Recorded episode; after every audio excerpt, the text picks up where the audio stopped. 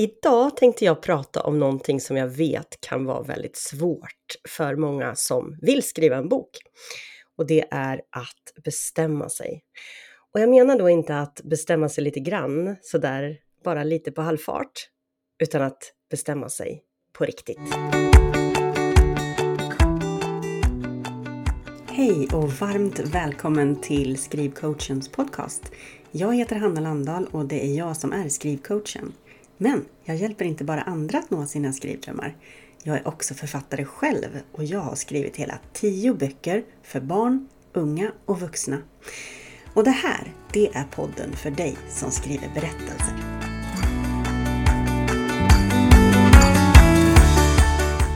Är du en sån som skjuter upp saker? Eh, det är jag. Och framför allt så skjuter jag upp saker som jag tycker känns lite svårt. Det låter jag gärna vara och så tar jag någonting som är lite lättare först. Jag skjuter också gärna upp saker som är jobbiga och framför allt sånt som är tråkigt. Eller sånt som jag känner mig lite osäker på och som jag inte riktigt vet om jag klarar av eller om jag vågar. Och några saker som jag ofta skjuter upp det är till exempel att eh, sådana här liksom, saker som jag gör ganska sällan som, nu ska jag berätta en sanning, sånt som jag faktiskt aldrig gör, men som jag borde göra.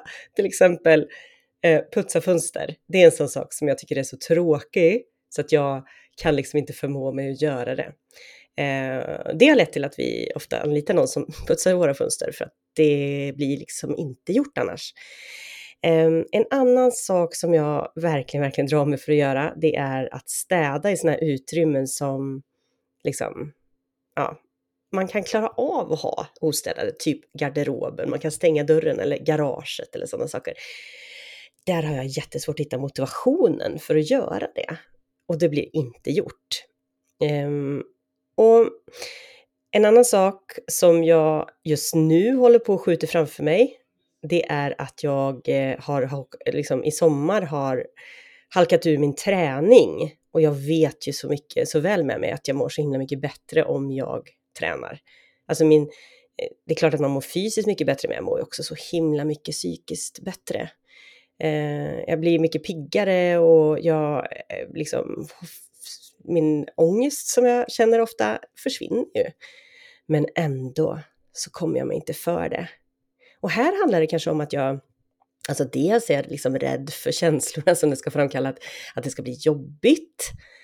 Men också är jag rädd för den där känslan av att misslyckas. Att inte orka springa så där långt som jag... Nu är jag ingen person som springer speciellt långt, men det har funnits perioder då jag faktiskt har sprungit i alla fall fem kilometer. Och det skulle jag aldrig orka idag, nu. Eh, och nu håller jag på att skjuta det framför mig, för nu är jag ju förkyld. Ja, Eh, och, och, jag försöker tänka att jag ska, så fort jag blir frisk så ska jag börja. Eh, men det, jag vet ju att jag har de här hindren, liksom trösklarna som jag måste ta mig över, så det känns ganska oöverstigligt plötsligt. Och jag vet ju också att eh, börja skriva kan vara en sån här sak eh, som man liksom skjuter framför sig.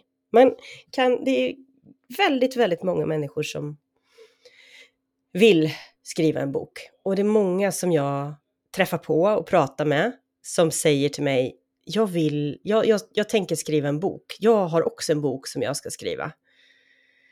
Men eh, jag, eh, och så finns det massa olika anledningar till varför man inte gör det. Oftast, oftast säger många, jag ska bara skriva ner den. Jag har berättelsen i huvudet, jag ska bara skriva ner den. Eh, men där tänker jag att där har man liksom hoppat över ett viktigt steg. För eh, en bok är in, finns inte i ett huvud. En bok finns, en bok finns eh, liksom på en datorskärm oftast. I en hårddisk. Kanske kan det finnas i en skrivbok också. Vad vet jag. Eh, men det här med att börja, att sätta, sig, att sätta igång och skriva, så man kan ju känna en, en längtan. Många gör ju det. Och du kanske gör det också, eftersom du är här och lyssnar på mig. Um, att man, man verkligen vill det här. Det här är någonting som man verkligen, verkligen vill, men ändå kommer man sig inte för det. Och det finns ju flera orsaker till det. Det, det hänger lite ihop med det här med, med träningen som jag har halkat ur nu då och inte tar mig, tar mig, liksom, tar mig in igen. Um, och det är ju därför att det kräver någonting av en. Alltså att skriva en bok är ingenting man gör i en handvändning. Det, det, kan man liksom, det, det är ju krävande både tidsmässigt och psykiskt. Eh, det finns många hinder att liksom ta sig över när man ska skriva en bok. Och det är klart att det inte är så konstigt att man att man liksom inte riktigt vågar eh, sätta igång. Det, det krävs Eh, mycket av dig för att du ska orka ta dig för det här stora projektet som det ändå är. Och det finns också en viktig del här och det är ju att har man inte skrivit en bok förut, hur ska man då veta att man kommer klara av det? Och vi är ofta rädda för saker som vi inte vet att vi kan. Det är inte bara små barn som är det. Små barn vill ju oftast bara göra saker som de kan någonting om. Men också vuxna eh, är rädda. Vi är ofta rädda för att kasta oss ut i någonting som är okänt. Någonting som vi inte vet om vi kommer klara av. Det är läskigt och det är fullt mänskligt att känna så. Men av den liksom, det är ju fortfarande inte en anledning till att man ska strunta i det. För har man en längtan efter att skriva, ja då får man ju försöka hitta sätt att komma över de här trösklarna som det finns. Um, och eh, jag vet, men jag vet ju att det finns ju eh, många sätt att säga att jag ska börja skriva en bok, bara inte idag. Eh, jag ska skriva en bok bara när jag har det lite lättare på jobbet eller när jag har semester nästa gång. Eller nu när mina barn är så här små Eh, så har jag inte riktigt tid och nu är mina barn lite större och då håller jag på och skjutsar på fotbollsträning hela tiden. Eller jag ska bara byta jobb för mitt jobb som jag har nu det är så krävande så jag har ingen ork kvar sen. Eller jag har flera idéer till böcker. Eh, jag, när jag har liksom listat ut vilken av dem jag ska satsa på, då ska jag börja skriva. En annan vanlig sak är att man säger att jag ska bara gå den här skrivkursen först. Sen ska jag eh, börja skriva på min bok. Jag ska bara läsa den här eh, skrivhandboken först. Också den här, den här tionde som jag läser. Sen ska jag börja skriva på min bok. Men vet du, det här uppskjutandet, även om du gör saker som, alltså du har liksom, ja, du har bra anledningar till att du inte skriver boken, så kommer det här sen inte att komma av sig självt. Så är det. Eh, du måste bestämma dig. Det är det det handlar om. Och du behöver liksom bestämma dig för att sluta skjuta upp skrivandet till någon bättre tidpunkt i någon avlägsen obestämd framtid. För jag har den här eh, idén och den här tror jag verkligen på. Och jag, nu får du lyssna på mig, för jag har skrivit tio böcker. Jag har sagt det många gånger, men jag har skrivit tio böcker. Och jag har också hjälpt många eh, att skriva sina böcker. Och det är så här, du kan läsa hur många, du kan gå hur många så här, folkhögskolor eller universitetsutbildningar eller andra typer av kvällskurser som du vill. Men eh, det kommer inte att leda dig framåt om du har svårt att fatta beslut om att du verkligen ska skriva den där boken. Det som verkligen kommer att eh, ta dig framåt, att få dig att börja, det är att bara bestämma dig för att börja. Bara bestämma dig för att göra det. Och jag tänker att man lär sig, min idé, det är att man lär sig medan man skriver. Man kan öva sig hur mycket som helst innan med olika skrivövningar, eh, genom att läsa sig till hur man ska göra, genom att lyssna på andra för att få veta hur man ska göra. Men för att du på allvar ska lära dig hur du gör, så att du på allvar ska lära dig skrivhantverket, på allvar ska lära dig hur du gör när du skriver en bok, då måste du börja skriva. Du måste börja på din berättelse. Det är jätteviktigt. Och ett sätt att tänka då är ju att det behöver inte bli perfekt på en gång. Utan se den här första boken som du skriver som en lärprocess. Och i alla fall det här första utkastet av den första boken som du skriver. Det är liksom ett sätt att lära dig att skriva. Och under tiden du skriver så kan du läsa en kurs, du kan lä äh, läsa böcker, du kan lyssna på poddar som den här. Men vänta inte tills du har lyssnat på tio avsnitt av Skrivcoachens podcast och andra poddar. Börja med en gång. Eh, och det jag tänker att du behöver göra då, det är att på riktigt, på allvar bestämma dig för att du ska skriva en bok. Och du ska börja skriva en bok nu. Men saken är den att när vi bestämmer oss för att skriva en bok så behöver vi oftast inte göra det bara en gång. Utan vi behöver göra det många gånger.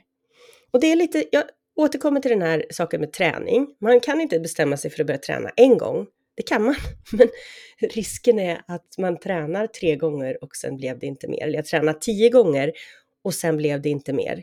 Utan du behöver öva upp din förmåga att bestämma dig så att du kan bestämma dig också efter den tionde gången du eh, har tränat att nu ska jag fortsätta och jag ska eh, också gå på det här eh, Friskis och svettispasset eh, den elfte gången och den tolfte gången och den trettonde gången också. Och precis samma sak är det med skrivandet. Du skriver inte en bok på en vecka, inte på en månad, kanske inte på ett år. Och kan du tänka dig hur många gånger du måste bestämma dig för att du faktiskt ska fortsätta? Det är jättemånga gånger. Så öva dig redan nu. Öva dig på att bestämma dig. Och, och, och tro inte heller att du kommer att behöva, att det räcker med att bestämma dig en gång. Du kommer behöva bestämma dig om en månad också att sätta dig där med eh, manuset framför dig, med ta framför tangenterna. Du kommer bestäm behöva bestämma dig dagen efter det och dagen efter det och dagen efter det. Um, och jag tänker så här att du behöver se på dig själv som att du är din egen chef.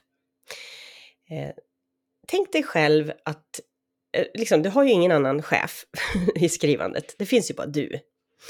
Eh, och du kan inte bara vänta på den där inspirationen ska komma varje dag du ska skriva. Det kommer den inte att göra, det har jag pratat om förut och så är det. Du kommer behöva skriva även de dagar som du inte känner så mycket inspiration. Eh, och jag tänker att som din egen chef så behöver du vara lite hård mot dig själv ibland.